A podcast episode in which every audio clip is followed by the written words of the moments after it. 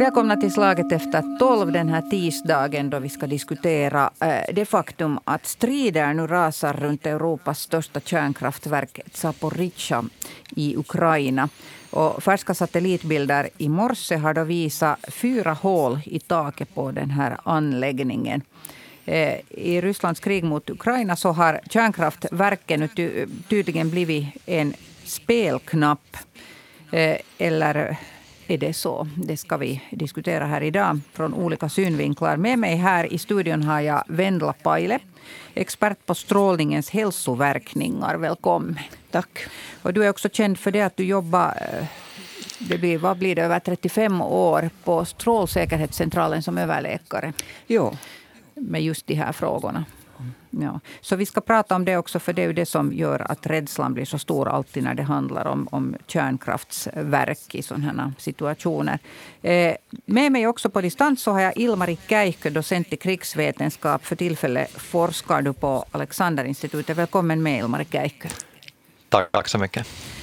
Jo, det där... Eh, vi börjar med den här färska situationen. bara. Eh, du, Ilmari Käihkö, har du också sett de här satellitbilderna på, på hål i taket? Absolut, och nu måste jag börja med att säga att jag, jag är ingen kärnkraftsexpert, så att Nej. vad det här mm. innebär kan nog den andra experten prata om. Men, men eh, frontlinjerna, frontlinjerna kommer allt närmare kärnkraftverket, vilket, vilket gör ju den här eh, situationen där eh, allt mer orolig. Och, och eh, också det, det, är väl bra att börja med att säga att det är rätt lite information som vi har om vad som faktiskt pågår där. Eh, Ryssland eh, skyller på Ukraina och, och Ukraina skyller på, på Ryssland. Och sen, sen nu den här veckan borde de här internationella experterna från IAEA åka, åka till plats om, om det nu går. Jo, Så det... då, då får vi kanske, kanske bättre, bättre lägesbild. Mm. Men, men eh, det ju, handlar ju mycket om bara, alltså också skrämseltaktik. Det här, åtminstone så har det tidigare spritts bilder eh, som bekräftar också att eh, ryssarna gömmer eller förvarar både fordon och, och vapen här inne i kärnkraftsområdet. Så ja, jag tänker att det handlar också om att skrämmas. Mm, absolut, och, och det här kärnkraftverket har också militär betydelse, mm. vilket är ju att Ryssland använder det som skydd mot, mot ukrainska attacker. Och uh, nu, uh, alltså enligt ukrainska uppgifter, har, har en motoffensiv i södra Ukraina påbörjats igår. Så att nu om frontlinjerna flyttas närmare kärnkraftverket så, så blir det här militära betydelsen för, bli, bli ännu viktigare i framtiden. Eh, då vänder jag mig till, till Vendla Paile här. Och, och, och, jag nämnde här i början att, att alltid när det gäller kärnkraft så det är det här som man är orolig för. En, att det ska inträffa en olycka eller att någon med, med, med flit ska ställa till med någonting sådant här. Att hur, hur har du följt med den här diskussionen? Ja, det har jag visst gjort. Mm. Där, den här situationen inne på, på kraftverket måste ju vara mycket obehaglig. Därför där sitter de här ukrainska experterna ju som gisslan. Och, och, de måste ha det oerhört stressigt där.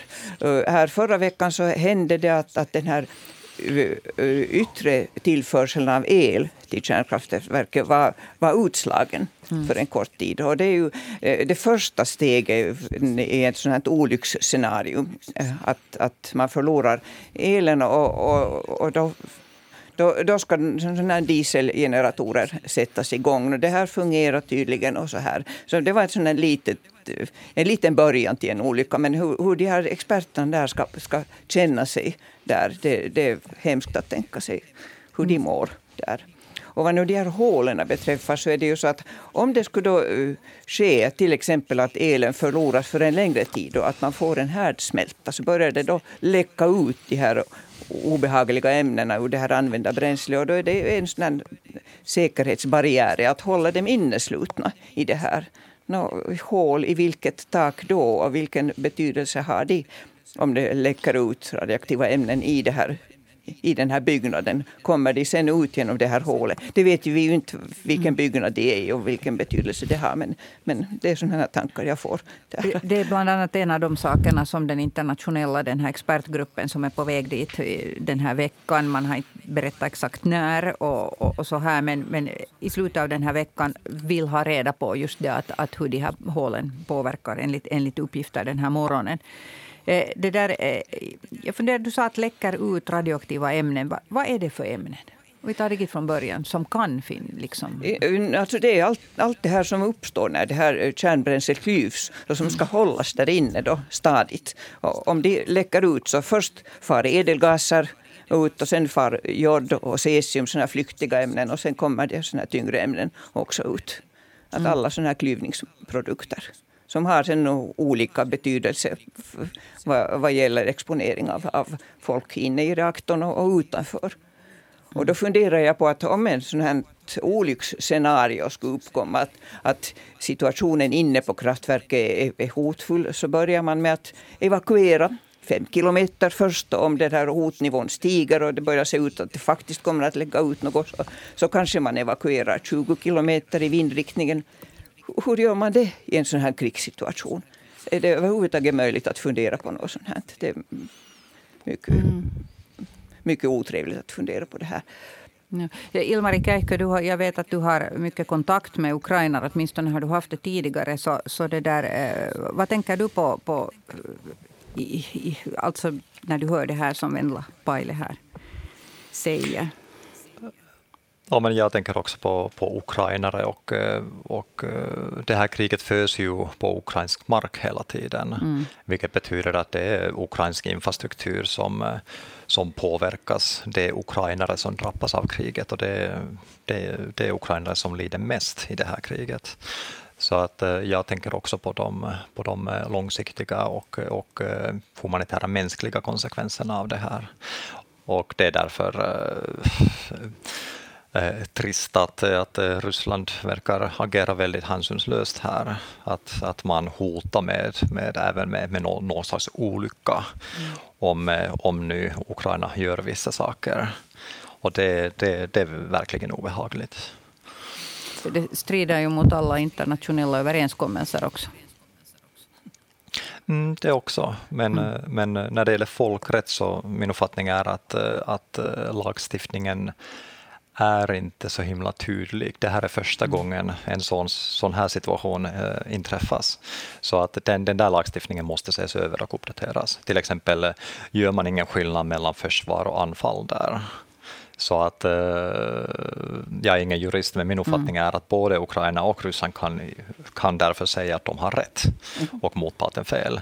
Och det, det är problematiskt eftersom det, det, är Ryssland som har börjat det här kriget. Så att skulden måste ju därför eh, ligga, ligga hos Ryssland, inte Ukraina. Mm. Sen kan man väl se någon liten ljusglimt i det att, att eh, man faktiskt släpper in IAEAs inspektörer dit. Att både Ryssland och Ukraina är överens om det här att jo, vi tar dit dem och tittar på det. Så att nu kanske lite, lite håller igen ändå det här. Det här mm. måste man väl se som ett, ett plus i alla fall. Och, och, de som är där lokalt, de måste väl begripa att de, de första som som blir drabbade av en sån här olycka är ju de som är där på plats. De må vara ryssar eller ukrainare, men där är det ju på själva kraftverksområdet som som det först, först blir kritiskt. Då. Ja. Ilmari Käikö? Absolut. Eh, nu, nu måste man dock konstatera att experterna har inte kommit fram än. Så att uh, hoppas de kommer fram. Du, du, låter som du inte skulle tro på det förrän du ser att det händer. Um, det, det, har inte hänt än och, och det finns alltså, Ryssland skulle kunna stoppa dem av någon anledning. Eller, eller, så, eller så blir situationen så pass, eh, mm. um, så pass farlig att de inte vågar åka dit, eller kan åka dit helt enkelt. Så att det är mycket som kan hända här. Mm. Eh, det där, ja, eftersom det är en stridszon eller en krigszon, det är frågan om du menar att på det sättet farlig att, att att det, eh, exakt mm. så. Ja. Exakt så. Eh, Venda är, eh, vi talar alltid om, när vi talar om Tjernobyl så blir folk väldigt till sig för att, att det hände för för en sån tidsperiod sedan då många av oss, jag menar, minns det själv väldigt tydligt. Och efteråt så har, har allt det här dessutom förts tillbaka till våra minnen via en alldeles utmärkt sån här tv-serie om, om det händelseförloppet där. Och så, här, så hur mycket eh, har du en uppfattning om att på vilket sätt det här kärnkraftverket, som är alltså Europas största eh, skiljer sig från, från Tjernobyl? Ja, en sån här viktig skillnad är ju att där inte finns den här grafiten. Att i Tjernobyl var det den här, eh, eh, den här grafiten som började brinna. Och, och det ledde till att ah, allt det här skräpet steg två kilometer upp i luften. Och därefter fördes med vindarna tusentals kilometer bort. Och därför kom det då betydande nedfall också i, i Europa och också i, i Finland och Sverige. Att, att en, sån, en sån risk finns inte i ett kärnkraftverk av den här typen. Men, men, att, men att lokalt kan en sån här svår olycka, en härdsmälta, visst ha en betydelse på, på tiotals kilometers håll. Men ingalunda på hundratals eller tusentals kilometers håll. Mm. Eh, jag, jag, tänker bara att, att jag har sett ganska såna alarmistiska rubriker också här hos oss att jag, och kommentarer. Och att jag tycker mig lägga märke till att folk till och med här hos oss blir eh, alltså rädda. Det blir lätt en sån känsla att, att nu kommer det hända på nytt igen, det som hände med Tjernobyl. Att vi kommer alla att drabbas av ja. nedfall. Ja, det, ja. Så, så är det nog definitivt inte. Att, att man kan vara riktigt orolig och, och för, för de här som lever där runt omkring på tiotals kilometer håll. Det kan man visst vara. Men inte, inte kommer det att komma hit. Det kan vi vara mm. riktigt säkra på. Nog. Vad tänker du Ilmari Kähkö om, om den här skrämseltaktiken, alltså som det här innebär? Att, att på vilket sätt biter det där i, i, i trakten på Ukraina? Om, om den här motoffensiven har börjat så, mm. så verkar, det, verkar det inte ha lyckats mot det. Men samtidigt eh, kan, man ju använda, kan Ryssland använda det här eh, kärnkraftverket som en bas för att, eh, för att skjuta på de ukrainska styrkorna på andra sidan av floden. Och det här blir ett militärt problem för Ukraina. Att, eh, att hur, ska de, hur ska de göra eftersom de har svårt att svara på elden. Mm. Um, och det, det, det, är svårt. Samtidigt uh, lyfter ju upp Ryssland uh, den här kärnkraftsfrågan till en internationell nivå. Så det är inte bara ett militärt problem utan det blir också ett politiskt, eh, en politisk taktik för Ryssland att, eh, att, eh, att försöka få sin vilja igenom. Och sen, det finns också praktiska konsekvenser här och de är ju att, att, att Ukraina får, jag har sett olika siffror, från 20 till 34 procent av sin el mm. från det här kärnkraftverket. Och eh, om nu Ryssland eh, lyckas eh, kapa det här kärnkraftverket från det ukrainska elnät, elnätet, så då blir frågan hur ska Ukraina ersätta det här elen i framtiden? Så på det här sättet kan Ryssland försöka ytterligare strypa den ukrainska ekonomin och försöka tvinga ukrainare att ge upp.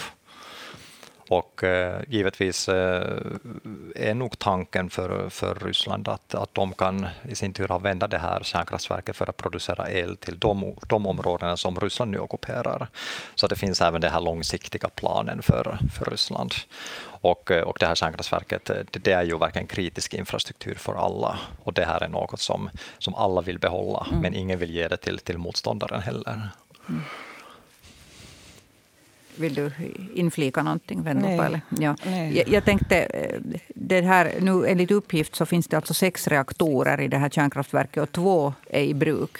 Precis. Just nu. Är, det, är det en normal situation att två bara är i bruk? Nej, det är det ju Nej. inte. Nej. Visserligen alltså, eh, vid tider av service, varje år ska det göras ja. service och då stänger man av det emellanåt och så här så att inte, inte alls alla alltid i bruk. Men ändå så undrar man att vänta nu att, att bara två.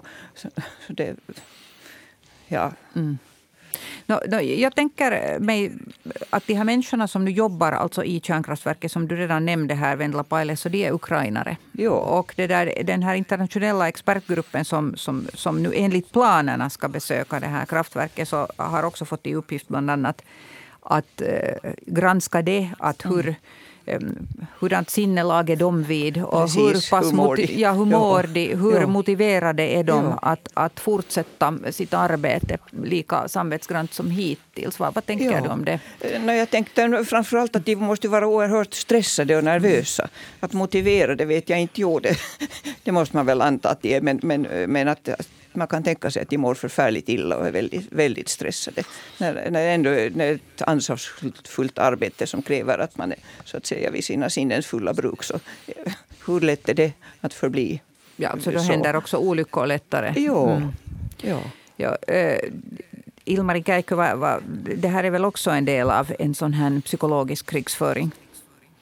Det är det och, eh, och jag tänkte lägga till att eh, jag minns tidigare uppgifter att det var en, eh, en ukrainare, alltså en lokalarbetare som misshandlades till, till döds. Så att, Jaha så att eh, det finns väl den aspekten om Ja. de här uppgifterna stämmer. Att, eh, att det, nå- något sånt här givetvis påverkar arbetssituationen rätt Ja. mycket. Att det finns kanske 500 ryska soldater som kontrollerar kärnkraftverket. Och eh, jag kan tänka mig att de ukrainare som jobbar där, de kommer ju från, från trakten. De, eh, de vill eh, skydda sina hem, eh, sina familjer om, om de nu finns kvar. Min uppfattning är att många, många har, har försökt, minst försökt skicka sina, si- sina familjer eh, till säkerhet. Men att de själva kanske upplever att, att de eh, måste stanna kvar för att se till att inget, ingen olycka sker. Sen är det givetvis möjligt att, att de får inte lämna, lämna området heller på grund av, av, av ryska soldater. Men, men det här är väl saker som, som vi, vi förhoppningsvis får veta mer om. Ja. Samtidigt eh, när de här experterna kommer, kom, kommer till plats om, så, så kan det bli svårt för dem att intervjua ukrainska arbetare fritt eftersom eh, de, de säkert kontrolleras av ryska soldater. Ja, Men- 500 soldater som inte bara är fiender utan som dessutom begriper noll och intet av kärnkraftssäkerhet. Ja, eh, det, det är en intressant poäng. för att, att Tidigare, så då när de här strider utkämpades kring eh, alltså Tjernobyl så visade det sig att, att det var en massa ryska soldater som till exempel grävde ner sig i, i sån här kontaminerad jord. Precis. Ja. Som, så finns det någon orsak att anta att de här soldaterna på plats skulle ha fått nu någon bättre eh, utbildning i eller eh, i- Ja, information? knapperlunda. Mm. Det är ju inte någonting som man får så där med en tio minuters introduktion. Mm. Så, så med andra ord kan man anta att de på riktigt inte vet någonting Nej, om, om ja.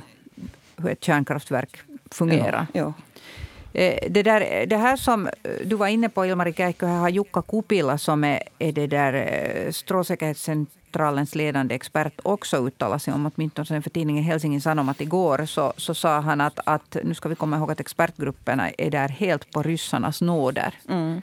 Eh, De är alltså inte fria att eh, precis granska eh, anläggningen på det sätt kanske som man skulle önska.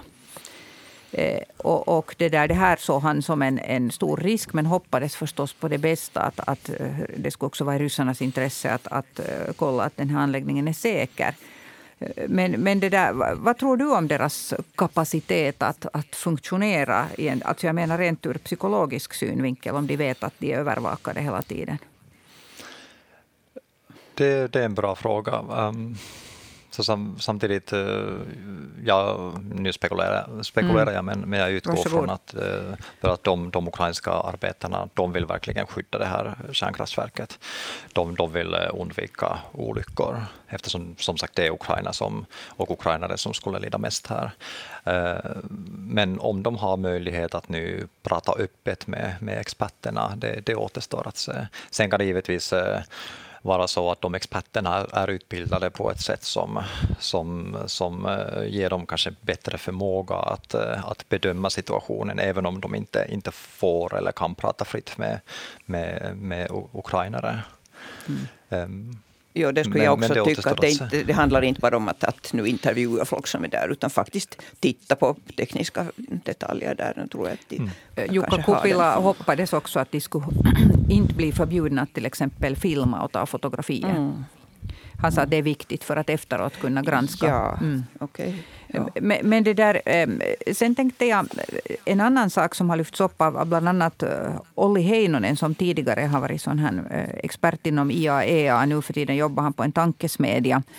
Så han talar om det att, att redan det att ett kärnkraftverk behöver hela tiden också tillgång till alltså reservdelar eh, olika material, bland annat också kemikalier som behövs i hela den här processen. Och att det är också en fara här att på grund av det här pågående kriget och den här situationen där så blir det utan sån här mm. nödvändig markservice. Du nickar, Vendla Paile. Ja, jag känner inte till mm. det, mm. det här men, men det, han har säkert rätt i det. Han har säkert rätt. Och för att kunna funktionera på rätt sätt så behöver man då ha de här systemen ja. Hela tiden ja. i bruk. Om man, om man vet vad man gör så är det ju bara då att stänga av det här kraftverket om man inte får det som behövs. Men, mm. men då har man sen inte den här elektriciteten och strömenergin. Ja. ja. Det där, eh, jag skulle vilja gå in lite på den här själva faran där i, i närområdet eftersom vi var redan igenom det här och du sa att du, det är inte samma risk som Tjernobyl att det med, med luftmassor eh, flyttar. Men, men för folk där nära, låt oss säga att om det eh, då händer någon olycka där så att det börjar läcka ut eh, strålning, alltså radioaktiva ämnen. Eh, vad, vad drabbas folk av då först? Alltså vad är det som händer med dem? Eh, nu, nu är det ju, inte blir de akut strålsjuka, inte, inte den fråga om sådana mängder. Men, men det, ja, de här ädelgaserna som kommer först kan då ge en rejäl stråldos. Men sen är det det här radioaktiva jodet som är en sån här, som är en sån här fara där i början. Ett kärnkraftverk som är igång, så där finns sån här jod och det är flyktigt och det, det rymmer ut. Det, bland de första ämnena så rymmer det ut och så finns det i luften. Man andas in det och sen, sen faller det ner på marken och på gräset och korna äter gräs och så hamnar det i mjölken och barnen dricker mjölk. Så får du i dig det här radioaktiva jodet. Och så söker det sig väldigt aktivt, väldigt snabbt till sköldkörteln. På det sättet så är det just sköldkörteln som får en, en stråldos som är mycket, mycket, mycket högre än något annat organ överhuvudtaget. Och då talar vi om risken för sköldkörtelcancer. Att det var det som blommade upp där efter Tjernobyl. Så började man att se att plötsligt insjukna många barn i sköldkörtelcancer. Det var, det var den här, det här konkreta tecknet som vad som hände där. Och därför har man då delat ut till folk i omnejden där de har fått då alltså jodtabletter. I omgivningen, inte vet jag om de har gjort det i Ukraina. Har de gjort det? Ja, det har nog i tidningsuppgifter okay. förekommit. Okay, åtminstone det, att det skulle ha delats ut i området där nära. Det, det, ja. är ju, det är just riktigt bra. Det, därför att det är faktiskt den, den största risken kan man säga där. Och vad, vad, gör det här jodet som man då äter? Så att ja, säga? Vi tar det riktigt om man tar en, en, stor, mm. en, en tablett jod så blockerar den sköldkörteln så att det här radioaktiva jodet inte går dit överhuvudtaget utan det avlägsnas snabbt med urinen så är man av med det. Ja, och det, det, jag har förstått att, att den sortens jod sån här i, i preventivt syfte så det funkar bäst på barn och vi ska, unga. Eh, vi ska säga att det är nödvändigt bäst för barn och unga. Att personer över 40 anses inte löpa den här risken överhuvudtaget. Varför det? No, sköldkörteln har inte slags aktivitet mer. Antagligen handlar det om, om unga kvinnor som ännu har graviditeter framför sig och sånt. Mm. Och barn vars sköldkörtel ännu växer och utvecklas. Mm. Att, att äldre har inte den här känsligheten. På det ja. Ilmari Käikö, hör, hör, du sånt här diskuteras när du, när du samtalar med eller har kontakt med, med ukrainare i området? Mm. Egentligen inte, och det kan finnas två, två skäl för det. Det första är att, eh, att det här kanske inte är den största faran som många av dem som jag pratar med tänker på. Mm. Eh, många av dem är aktivt involverade i kriget, så att eh, det här är en, en sak bland många andra som, som de måste tänka på. Men det är det mer om och bara det är striden som de tänker på först och främst. Det här är något som är kanske mer lite, lite mer abstrakt för dem. Eh, just nu. Och det, och det, andra är att många andra som jag, som jag pratar med som inte är då stridande, så då, de befinner sig i antingen västra Ukraina eller i huvudstaden Kiev.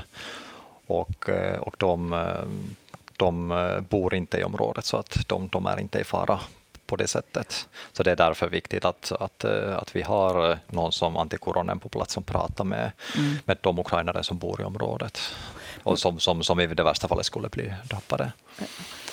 Men sen en sån här följd på längre sikt är ju att om det kommer ett, ett ordentligt nedfall på området så kan man inte odla där. Att mm. all säd och sånt är nedsmutsat. Det kan ha mycket stora ekonomiska konsekvenser på lite längre sikt. Då. Vad är det här lite längre sikt? Hur lång tid talar vi? Det beror ju på hur mm. mycket det kommer. Det kan, det kan för all del vara tiotals år också. Men, men framförallt så kanske den första skörden och så här. Mm. Ja, bero, beroende på förstås hur, hur mycket det kommer och vad det kommer. Men kommer det mycket cesium så, så jag, talar vi om tiotal år. Ja.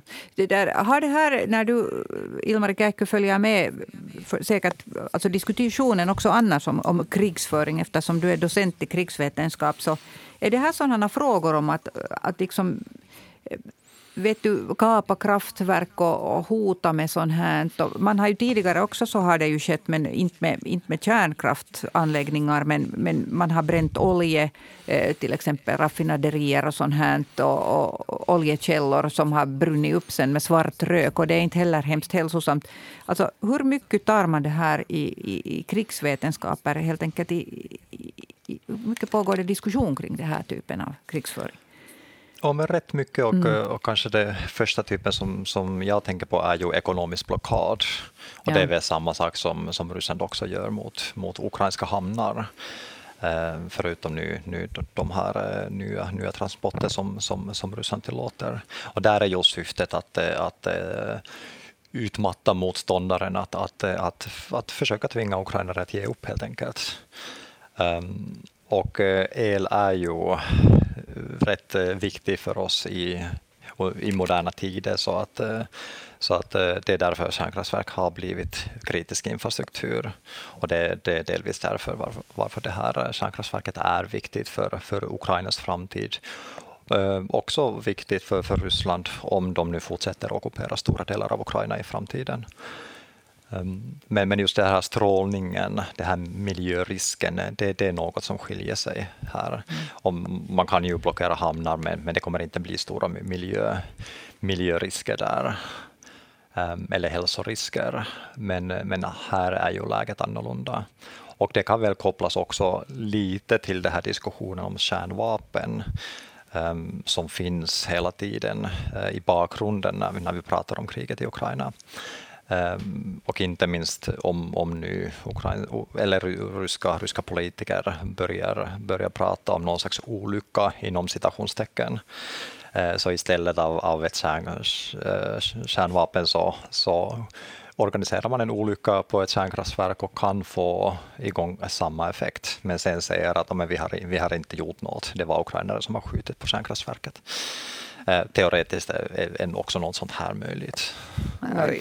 Jag är nog väldigt främmande för en sån här jämförelse. Och eh, retoriskt kan man ju slänga ur sig vad som helst, men det kan man nog inte, mm. inte jämföra användningen av ett kärnvapen och att jämföra det med en, även om det skulle vara en avsiktligt framkallad katastrof. Det, det är inte samma sak. Kan du fördjupa mm. lite? No, det, det, det, är helt enkelt, det, det blir inte sådana. Jag menar. Konsekvenserna blir annorlunda. Ja. Ja. Men tillräckligt obehagliga konsekvenser? Tillräckligt, alldeles tillräckligt obehagliga. Men, men, men man ska inte sammanblanda. Man ska inte tro att ett kärnvapen faktiskt kan på något sätt jämföras med det här. Nej. Mm. Jag tycker det är farligt, för det är ett sätt att bagatellisera kärnvapnet, tycker jag. Att, att, att man kan jämföra det till exempel med Tjernobyl eller något sånt. Nej, det är inte detsamma. Mm. Även om man skulle bomba det sönder så är det inte samma sak som, en, som en, en, ett kärnvapen. Verkligen inte. Vill du kommentera det här, Ilmar Käik? Mm. Så just när, om vi pratar om kärnvapen i det här kriget så, så är det väl många experter, inklusive jag, som, som har känt hela tiden att Ryssland kommer sannolikt inte använda dem eftersom det finns inga bra mål som man, man kan använda dem mot. Mm. Eh, det finns inga koncentrationer av, av ukrainska styrkor som man skulle kunna slå ut här. Eh, och på det sättet eh, är kanske det här det bästa alternativet eh, om man nu vill köra det här kärn, kärnvapenbanan att, att orsaka en, en miljökatastrof helt enkelt med, med, med strålning. Så att den riktas inte mot ukrainska styrkor utan mm. mot, mot den ukrainska befolkningen, mot, mot, mot Ukraina helt enkelt för att öka, öka kostnader här. Eh, Dimitri Medvedev var ju ute och sa någonting sånt här förra veckan. Jag kommer nu inte ihåg exakt hur han formulerade men han, han vinkade om att, ja, att, det kan ju, att under sådana här omständigheter kunde, kunde det ske en olycka eh, i kärnkraftverket. Kommer eh, någon av er ihåg exakt hur han formulerade sig? Det var ganska vagt. Mm, menar du att han antydde en, en, en det, tolka, det tolkades nog så att det kan ju hända... Ja, ja, avsiktligt och avsiktligt. Att det kan ju ske en olycka. Mm. Men, men, men det där, hur tror ni att, om vi nu spånar här fram i framtiden, hur tror ni att den här krisen löser sig? Finns det någon gissning här? Ilmari Käikkö? Ja, men det bästa vore ju att demilitarisera området. Men, eh, men problemet ligger i det att, eh, att eh, i vems händer skulle mm. kärnkraftverket då, då hamna. Mm. Eh, Ukraina och väst vill givetvis att det skulle hamna på ukrainska händer och eh, Ryssland eh, kommer nog inte acceptera det här så himla lätt eftersom då kommer de, de förlora det här skyddet som deras styrkor har på området och, och, och då, då skulle de också ge tillbaka det här, den här kritiska infrastrukturen och, och elförsörjningen. Så att det är svårt att säga att, att, eh, att hur man, man kan lösa det här, men det vore den bästa lösningen. Hur, hur man kommer dit, det, det, det är svårt att säga. Eh, kanske skulle man kunna tänka att man kan dela den här elen på något sätt, men, men eh, så länge som Ryssland Ryssland kontrollerar kärnkraftverket så, så är det svårt att säga att, att de skulle gå med på det eftersom de skulle bara förlora. Och sen finns det den här militära aspekten att, hur, att om, om Ryssland vägrar släppa det här ut, ut, utan att tvingas till det. Så hur kan Ukraina då tvinga, tvinga, tvinga Ryssland att lämna området? Det, det är också lite svårt att se om man inte nu till exempel lyckas omringa kärnkraftverket och, och på så sätt tvinga, tvinga ryssarna att, att överge den. Ja, ja, finns, det, finns det, ser du någon möjlighet för Ukraina att helt enkelt eh, genom att kriga ta tillbaka det här kraftverket? Ja, men det är givetvis möjligt, men nu måste man komma ihåg att den ligger på fel sida av mm. floden. Så att den här motoffensiven som Ukraina sa att de har börjat igår, den, den sker på västra sidan av Dnepr och eh, kärnkraftverket ligger på östra, östra sidan. Så att eh, även den här motoffensiven, om den nu lyckas, så kom, kommer den eh, sannolikt eh, stanna av när, den, när, när ukrainska styrkorna kommer till floden. De kommer ha svårt att, att komma över och fortsätta motoffensiven. Och, och, och, det är därför jag inte ser att, att i den nära, nära framtiden Ukraina kan, kan tvinga de ryska styrkorna att lämna, lämna kärnkraftverket. Mm. under tiden närmar sig vintern och det blir kallt och den här energin behövs så att, så att den blir bara en viktigare hela tiden spelknapp. Eh, Vendla Paile, har du någon eh, aning om hur man kan få slut på det här? Nej. nej, enkelt svar nej. Ja. Det, det, är tyvärr så att, att det här sitter väl hela världen och funderar på och grubblar på som bäst. Det där, eh, jag tackar er båda två så att ni var med här i Slag efter tolv idag. Jag drar ett streck här och, och, och så hoppas vi att den internationella expertgruppen från IAEA e får komma fram och får eh, granska ordentligt det här eh, Europas största kärnkraftverk, Zaporizjzja, och eh, eventuellt mm, det skulle då leda till eh, Eh, konstruktiva åtgärder. Eh, tack Vendla Paile, före detta eh, alltså pensionerad överläkare från Strålsäkerhetscentralen och strålningens hälsoverkningar är ditt expertisområde. Och Ilmari Käikkö som är docent i krigsvetenskap och forskar för tillfället på Alexanderinstitutet här i, i Finland. Tack för att ni deltog. Mitt namn är Bettina Sågbom. En ny diskussion blir det imorgon, samma tid och samma kanal.